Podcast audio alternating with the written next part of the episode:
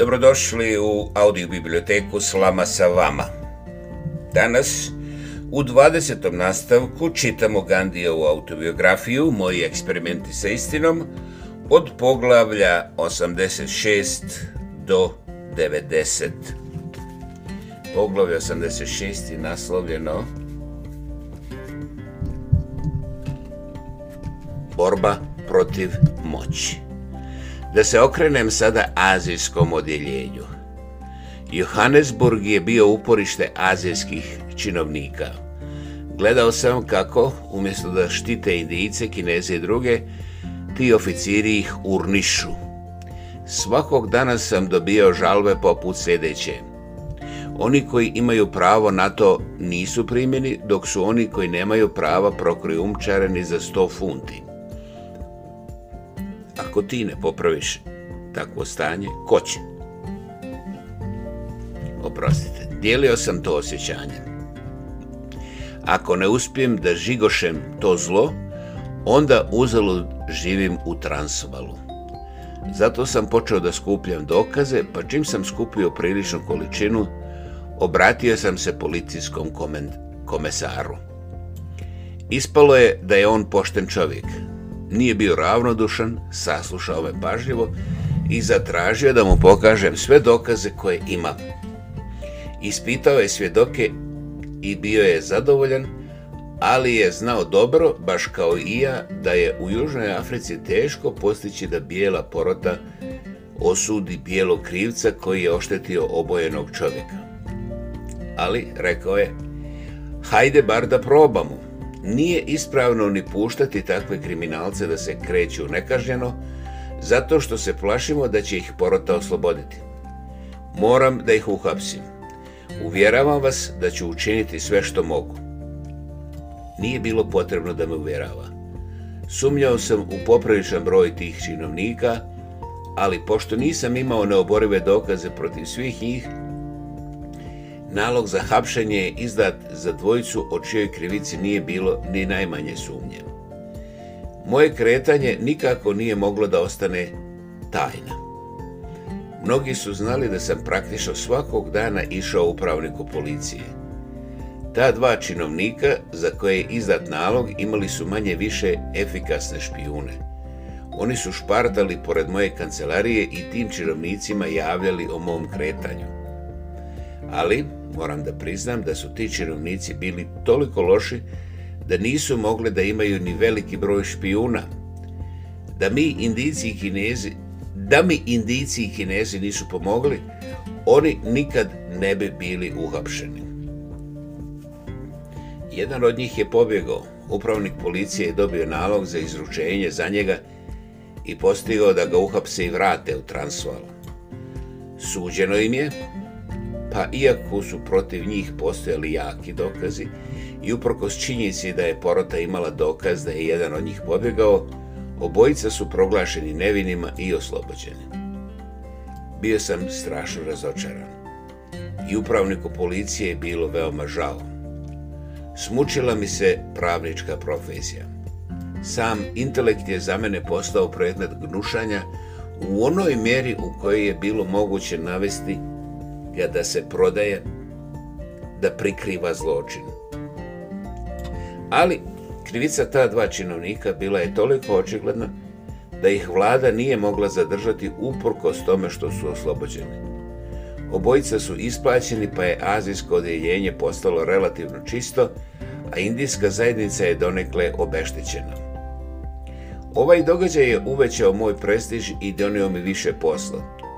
Većina, ako ne i čitava suma od stotina funti koje, koju je zajednica svakog mjeseca gubila na pronevjerama, bila je sačuvana. Nije se moglo sačuvati sve jer je nečasnost i dalje imala nadzor nad njihovom trgovinom. Ali sada je bilo moguće da časni ljudi sačuvaju svoju čast. Moram da kažem da iako su ti činovnici bili veoma loši, nisam imao ništa protiv njih lično. Oni su toga i sami bili svjesni, pa kad su mi se u nevolji obratili, pomogao sam i njima. Imali su priliku da se zaposle u opštini Johannesburg, ukoliko se ja ne bih tome usprotivio. Jedan njihov prijatelj me je posjetio da mi to kaže i ja sam se složio da ih ne spričim, pa su uspjeli da se zaposle. Taj moj stav je činovnike sa kojima sam dolazio u kontakt činio savršeno opuštenim, pa iako sam često morao da se branim protiv njihovog nadleštva i da koristim teške riječi, ostali su sasvim prijateljski prema meni. Tada nisam bio svjestan da je takvo ponašanje bilo dio moje prirode. Kasnije sam shvatio da je to suštinski dio satyagarhe i svojstvo ahimse. Čovjek i njegova djela su dvije različite stvari. Dok dobra djela treba da zasluže odobravanje, a za djela neodobravanje, onaj ko ta djela čini, bio da je dobar ili zao, uvijek zaslužuje poštovanje ili sažaljenje, već prema slučaju. Mrzite greh, a ne grešnika. Učenje je koje se iako ga je lako razumjeti, rijetko sprovodi, pa se zato otrov mržnje širi svijetom.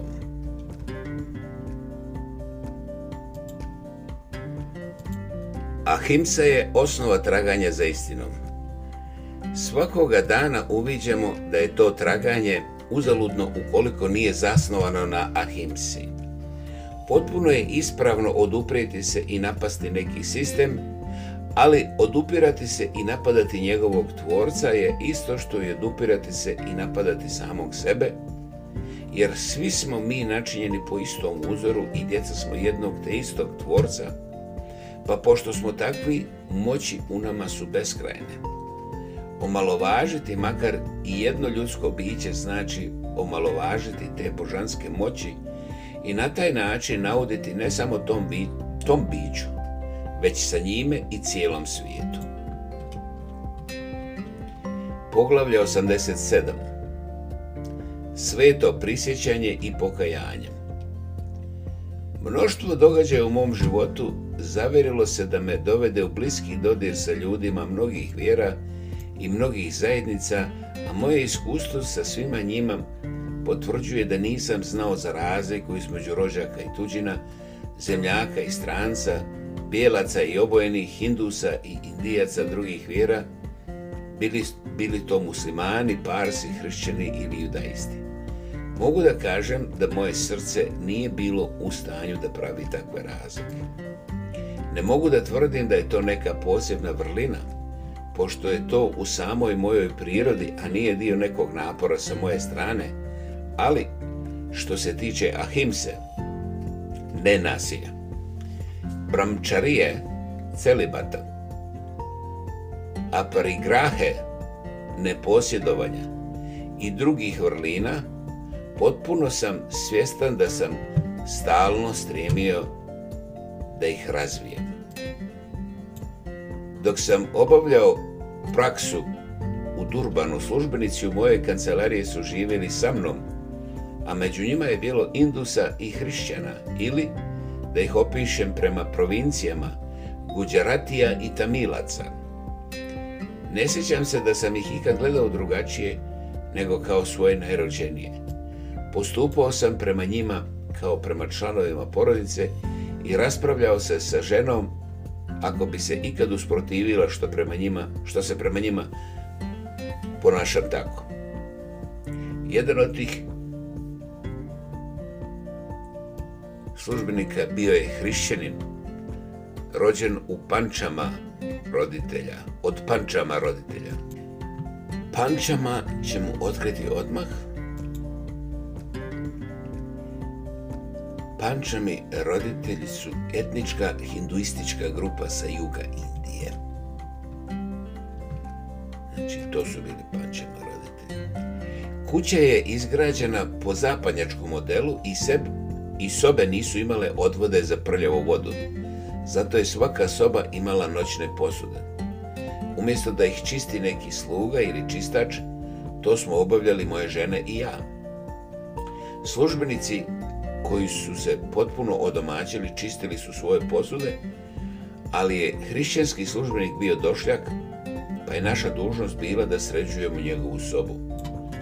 Moja žena je čistila posude drugih ali da čisti one koje je koristio neko koje je bio pančama, bilo je za nju previše, pa smo se posvađali. Ona je mogla da podnese da ja čistim te posude, ali nije voljela ni da to oprostite, ponavljam. Ona nije mogla da podnese da ja čistim te posude, a nije voljela ni da ja, ni da to sama radi. Još i danas se sjećam slike kako me grdi Oči su je crvenile od gnjeva, suze joj curile niz obraze, dok silazi iz verdevine sa posudom u ruci. Ali ja sam bio okrutno dobar muž. Smatrao sam sebe njenim učiteljem, pa sam je maltretirao i slijepe ljubavi prema njoj. Daleko od toga da sam bio zadovoljan da samo nosi tu posudu htio sam da to uradi sa radošću. Zato sam rekao, podigavši glas, takve besmislice neću trpiti u svojoj kući. Te riječi su je pogodile kao strijela. Uzvratila je vičući. Zadrži svoju kuću za sebe i pusti me da idem. Zaboravio sam se, a izvor saosjećanja u meni je presušio. Uhvatio sam je za ruku, povukao tu bespomoćnu ženu do kapije, koja je bila preko puta merdevina i krenuo da je otvorim sa namjerom da je izbacim napolje. Suze su joj potocima tekle iz obraze, pa je povikala. Zar nemaš stida? Moraš li toliko da se zaboravljaš? Kuda da idem? Ovdje nemam roditelja ni rođaka da me udome. Zato što sam tvoja žena, misliš li da moram da trpim sve tvoje šamare i šutiranje? Za Boga miloga, ponašaj se normalno i zatvori kapiju.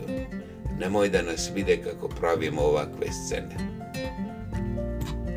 Sabrao sam se, ali sam bio zaista posramljen i zatvorio sam kapiju.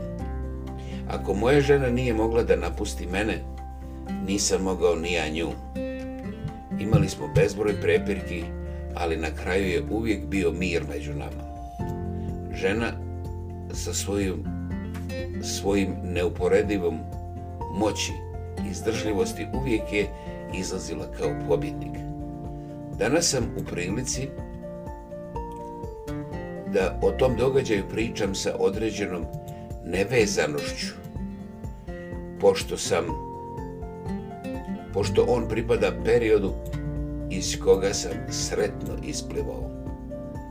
Nisam više slijep i zaluđeni muž, nisam više učitelj svoje žene. Kasturba može ako hoće, ali danas prema meni bude isto onako neprijatna kakav sam ja bio prema njoj ranije. Mi smo prekaljeni prijatelji. Nijedno od nas više ne gleda na ono drugo kao predmet požude. Ona me je predano njegovala dok sam bio bolestan, služeći me bez ikakve pomisli na nagradu. Taj događaj se odigrao 1898.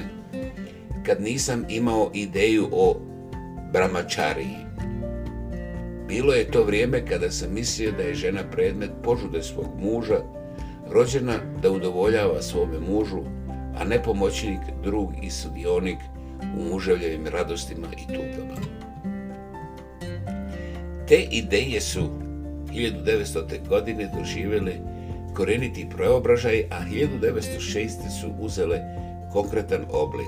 Ali predlažem da o tome govorimo, govorim na mjestu koje tome pripada. Dovoljno je da kažem da je sa postepenim nestajanjem tjelesne želje iz mene moj domaći život postojao, postojao i postaje sve mirniji, slađi i sretniji neka niko iz ove priče u jednom svijetom sjećanju ne zaključuje da smo mi na bilo koji način predstavljali neki idealan par, niti da među nama postoji potpuno jedinstvo ideala. Sama Kasturba možda i ne zna ima li bilo kakvih ideala nezavisno od mene. Vjerovatno je da mnoge od stvari koje činim ona ni danas ne odobrava nikada ne raspravljamo o njima, ne vidim nikakvog dobra u tome. Jer ona nije dobila nikakvo obrazovanje ni od svojih roditelja, ni od mene, kada je to trebalo da je pružim. Ipak ona je blagoslovljena jednom velikom osobinom u veoma značajnoj mjeri, jednom osobinom koju većina hinduskih žena posjeduje u određenoj mjeri. U određenoj mjeri, prostite. A to je ovo voljno ili nevoljno, svjesno ili nesvjesno, ona se smatra blagoslovenom da ide mojim stopama i nikad nije stala na put mom nastojanju da vodim život uzdržavanja. I zato, iako je među nama velika razlika u intelektualnom pogledu, uvijek sam imao osjećaj da je naš život život zadovoljstva, sreće i napretka. Poglavlje 88 bliske veze sa Evropljanima. Ovo poglavlje me je dovelo do tačke kada postaje neophodno da objasnim čitavcu kako je ova priča pisana iz nedelje u nedelju. Kada sam počeo da je pišem, nisam pred sobom imao neki određeni plan. Nisam imao dnevnik niti dokumenta na kojima bih zasnovao priču o mojim eksperimentima. Pišem baš onako kako me duh pokreće dok pišem ne tvrdim da pouzdano znam da svim mojim svjesnim mislima i djelima upravlja duh. Ali, ispitujući najveće korake koje sam preduzeo u životu, kao i one koji se mogu smatrati najmanjim, mislim da neće biti neprikladno da kažem da je svima njima upravljao duh. Ja ga nisam vidio, niti sam ga upoznao, učinio sam vjeru svijeta u Boga mojom sobstvenom, a pošto je moja vjera neizbrisiva, smatram da je ta vjera ravna doživljaju. Međutim, kao što se može reći da je opisati vjeru kao doživljaj isto što i pokvariti istinu. Možda bi bilo ispravnije reći da nemam riječi da opišem moju vjeru u Boga. I sad opet dok počinjem ovo poglavlje vidim da se suočavam sa jednim novim problemom koje stvari da pomenem, a koje da izostavim u pogledu mojih engleskih prijatelja o kojima ću upravo da pišem. To predstavlja ozbiljan problem. Ako izostavim stvari koje su važne, istina će biti zamagljena. A teško je smjesta odlučiti šta je bitno kad nisam siguran čak ni da li je bitno da pišem ovu priču. Danas, je, danas jasnije razumijem ono što sam davno čitao o nedostacima svih autobiografija, kada se posmatraju kao istorija. Znam da nisam ovu priču Znam da nisam u ovu priču uključio svega, sve čega se sjećam. Ko može da kaže koliko moram da iznesem, a koliko da izostavim u interesu istine. I kakva bi na sudu bila vrijednost nedovoljnog jednostranog dokaza koji bih ponudio o određenim događajima u mom životu. Ako bi me neko njuškalo preispitalo o poglavljima koje sam već napisao, onda bi možda mogao da baci više svjetlosti na njih, a ako bi to bilo unakrasno ispitivanje koje bi sproveo neki neprijateljski nastrojen kritičar, onda bi možda čak i mogao da polaska sebi što je pokazao šupljine u mnogim od mojih pretenzija. Zato se na trenutak pitam da li bi možda bilo prikladno, prikladno da prestanem da pišem ovu knjigu. Ali sve dok ne dobijem zabranu od unutrašnjeg glasa, moram nastaviti pisati. Moram da se držim mudre izreke da ništa što se jednom započne ne treba napuštati ukoliko se ne pokaže da je moralno pogrešno. Ja ne pišem autobiografiju da udovoljim kritičarima. Samo njeno pisanje je jedan od tih eksperimenata sa istinom. Jedan od njenih ciljeva je svakako da obezbidi određenu utjehu i hranu za razmišljanje mojim saradnicima. Zaista i počeo sam da je pišem u skladu sa njihovim željama. Ona možda ne bi bila napisana da Das i Swami Anand nisu insistirali na tom svom predlogu. Dakle, ako griješim što pišem autobiografiju, oni moraju da podijeli krivicu sa mnom. Ali, da se poduhvatim teme na koju sam ukazao na početku baš kao što je sa mnom bilo indijaca koji su živjeli kao članovi moje porodice, tako sam u Durbanu imao i engleske prijatelje koji su živjeli sa mnom.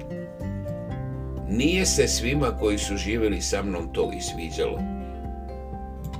Ipak, ja sam insistirao da budu sa mnom, a nisam mogao ni da budem pametan u svakom slučaju.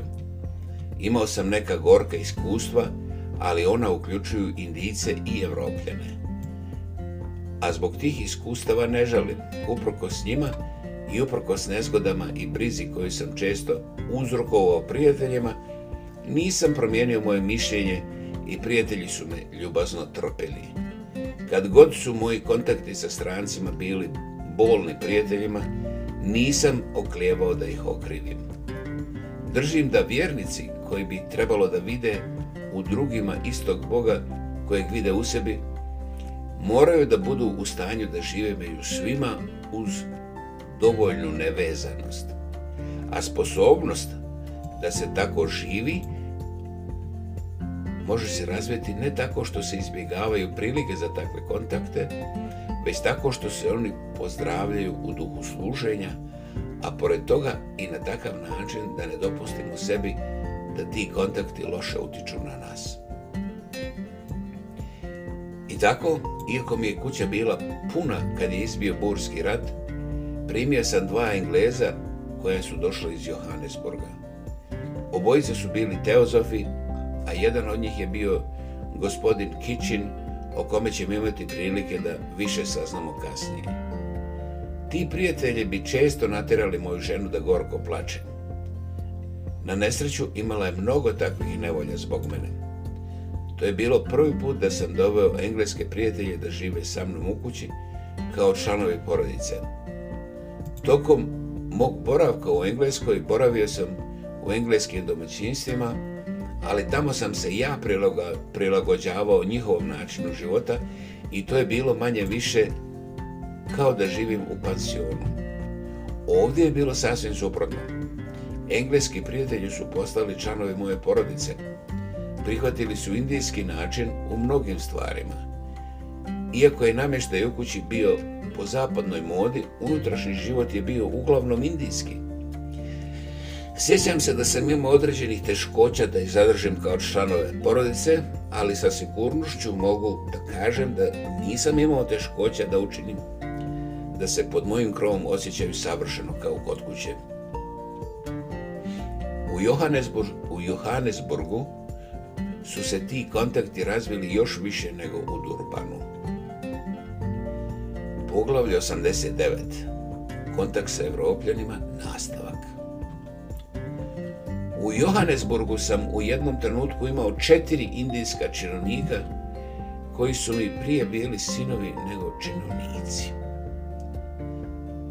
Međutim, Čak ni to nije bilo dovoljno za moj posao. Nije bilo moguće raditi bez kucanja na pisaćoj mašini, a to sam među njima jedino ja znao, ako sam uopšte znao. A onda sam htio da jednog od njih obučim za računovođu. Nisam mogao da dobijem nikoga iz Natala, jer niko nije mogao da dođe u transval bez odobrenja.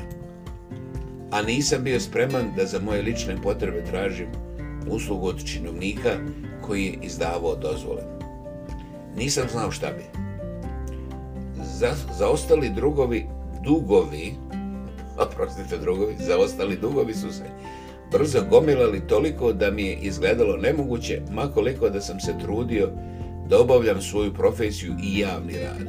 Bio sam sasvim voljan da angažujem nekog evropskog činovnika, ali nisam bio siguran da bih mogao da nađem bijelog muškarca ili ženu koji bi služili obojenom kao što sam ja. Ipak sam odlučio da pokušam. Obratio sam se jednom daktilografskom agentu koga sam poznavao i zamolio ga da mi nađe stenografa. U Johannesburgu je bilo ljudi koji su znali taj posao i on mi je obećao da će naći nekog. Naišao je na škotlanđanku po imenu gospođica Dick, koja, tek što je stigla iz Škotske, nije imala primjedbi na to da časno zarađuje za život, ma gdje to bilo, pošto joj je novac trebao. I tako joj je agent poslao k meni. Odmah mi se svidjelo. Da li vam smeta da budete službenik jednog indijica? Upitao sam je. Ni najmanje odgovorila odločno. Koliko platu očekujete? Da li bi 17 funti i 10 šilinga bilo previše? Ne bi bilo ako budete radili kako mi odgovara. Kad možete da počnete. Kad god hoćete. Bio sam veoma zadovoljan i odmah sam počeo da je diktiram pismo. Uskoro mi je postala više čerka ili sestra nego stenograf. Nisam imao nikakvog razloga da se požalim na njen rad. Često bi joj bilo povjereno da rukuje fondovima od hiljada funti, pošto je bila zadužena za poslovne knjige.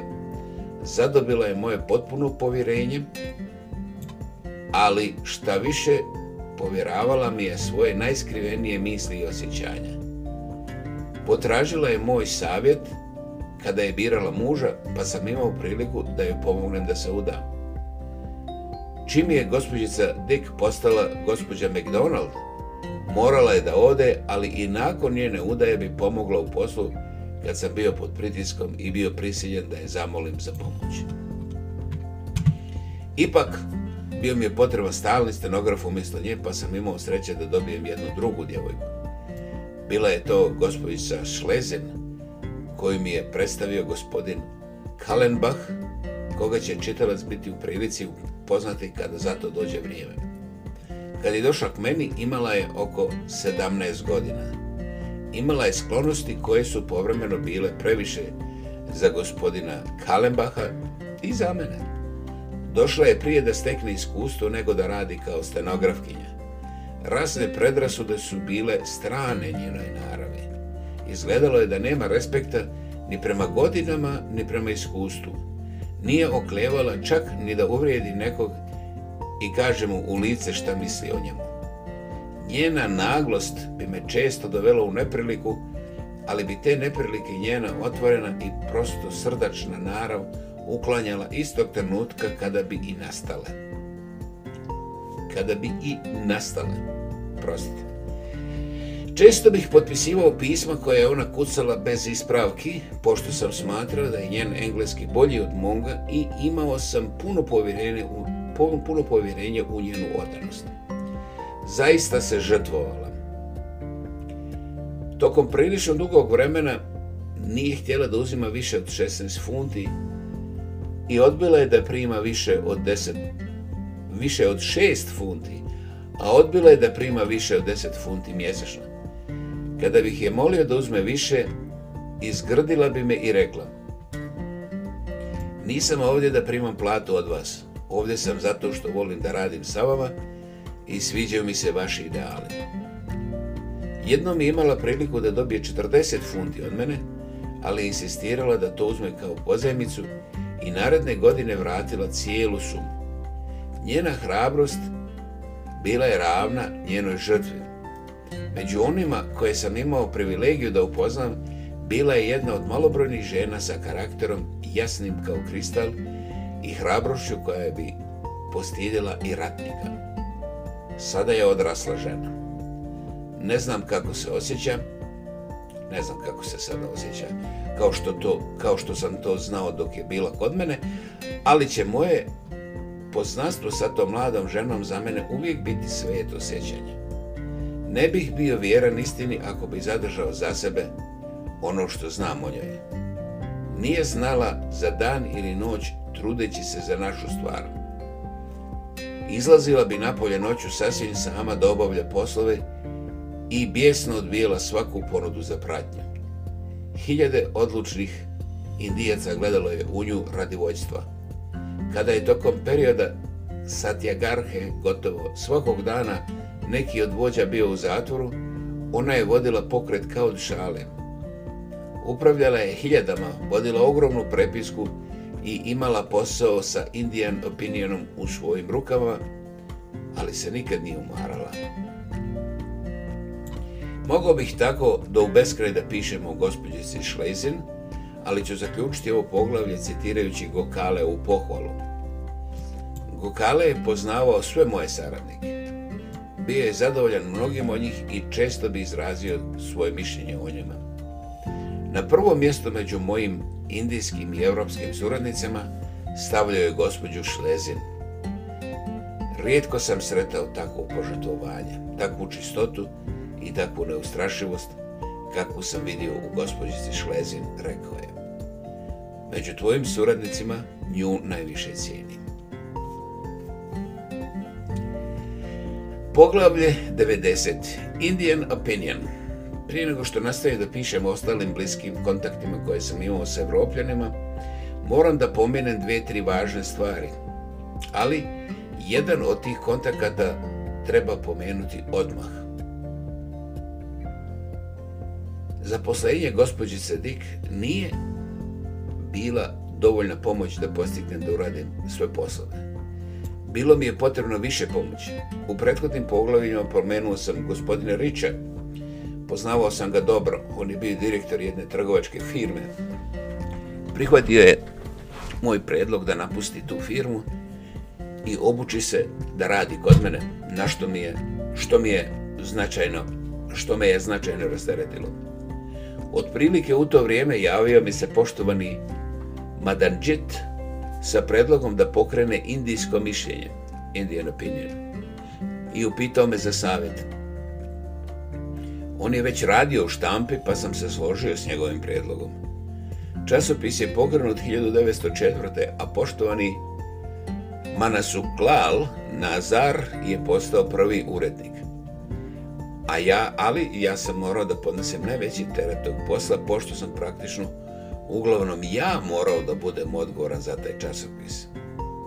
Nije bila stvar u tome da gospodin Mansuklal to nije mogao da on se poprilično bavio novinarstvom dok je bio u Indiji, ali se nije usuđivao da piše o zamršenim južnoafričkim problemima, bar dok sam ja tu.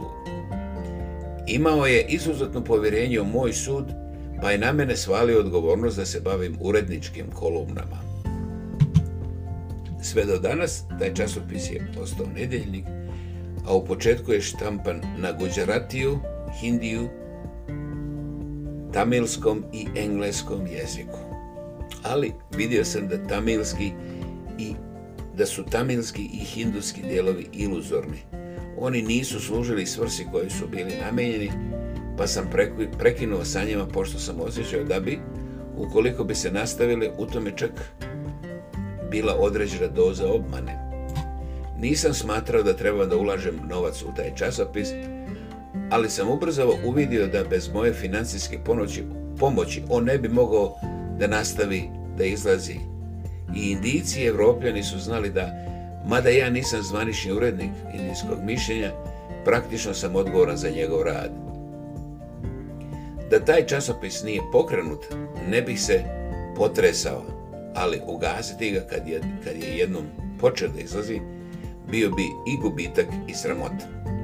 Zato sam nastavio da ulažem moj novac, sve dok praktično nisam protračio svu moju ušteđevinu na njega. Sjećam se perioda kada sam morao da dodajem po 75 funti mjesečno. Ali, nakon svih ovih godina, osjećam da je taj časopis dobro poslužio našoj zajednici. On nikad nije bio namijenjen da bude komercijalan. Sve dok je bio pod mojom kontrolom, Promjene u tom časopisu ukazivale su na promjene u mom životu. Časopis Indijsko mišljenje u to vrijeme bio ogledalo jednog dijela mog života kao što su to Young India i Navajiban danas. Nedelju za nedeljom izlivao sam svoju dušu u njegove stupce i izlagao principe i praksu Satyagrahe kako sam je ja razumio tokom 10 godina sve do 914. Osim prekida kada sam prinudno bio na odmoru u zatvoru, teško da je izašao jedan broj indijskog mišljenja bez nekog mog članka. Ne mogu da se sjetim da je jedna riječ u tim člancima napisana bez promišljanja ili namjere, ili da je bila svjesno pretjerivanje ili nešto napisano čisto da udovolji. Zaista je taj časopis postao za mene trening samoobuzdavanja, a za prijatelje sredstvo da budu u kontaktu sa mojim mislima. Kritičari su nalazili malo toga čemu bi mogli da zamjere. Upravo ton indijskog mišljenja je prisiljavao kritičara da, da zauzda sobstveno pero. Vjerovatno je da ni Satyagarha ne bi bila moguća bez indijskog mišljenja. Čitaoci su očekivali taj časopis da bi pročitali istinitu priču o kampanji Satyagrahe, kao i o stvarnim prilikama Indijaca u Južnoj Africi. Za mene je on postao sredstvo proučavanja ljudske prirode u svim njenim bojama i nijansama, pošto sam uvijek nastojao da uspostavim blisku i čistu vezu između urednika i čitaoca.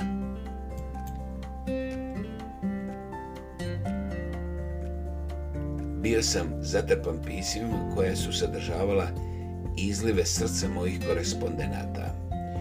Oni su bili prijateljski, kritički ili ogorčeni već prema naravi onoga ko je pisao.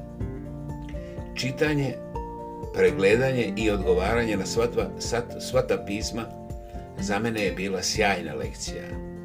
Bilo je to kao da je čitava zajednica glasno mislila zajedno sa mnom kroz tu prepisku.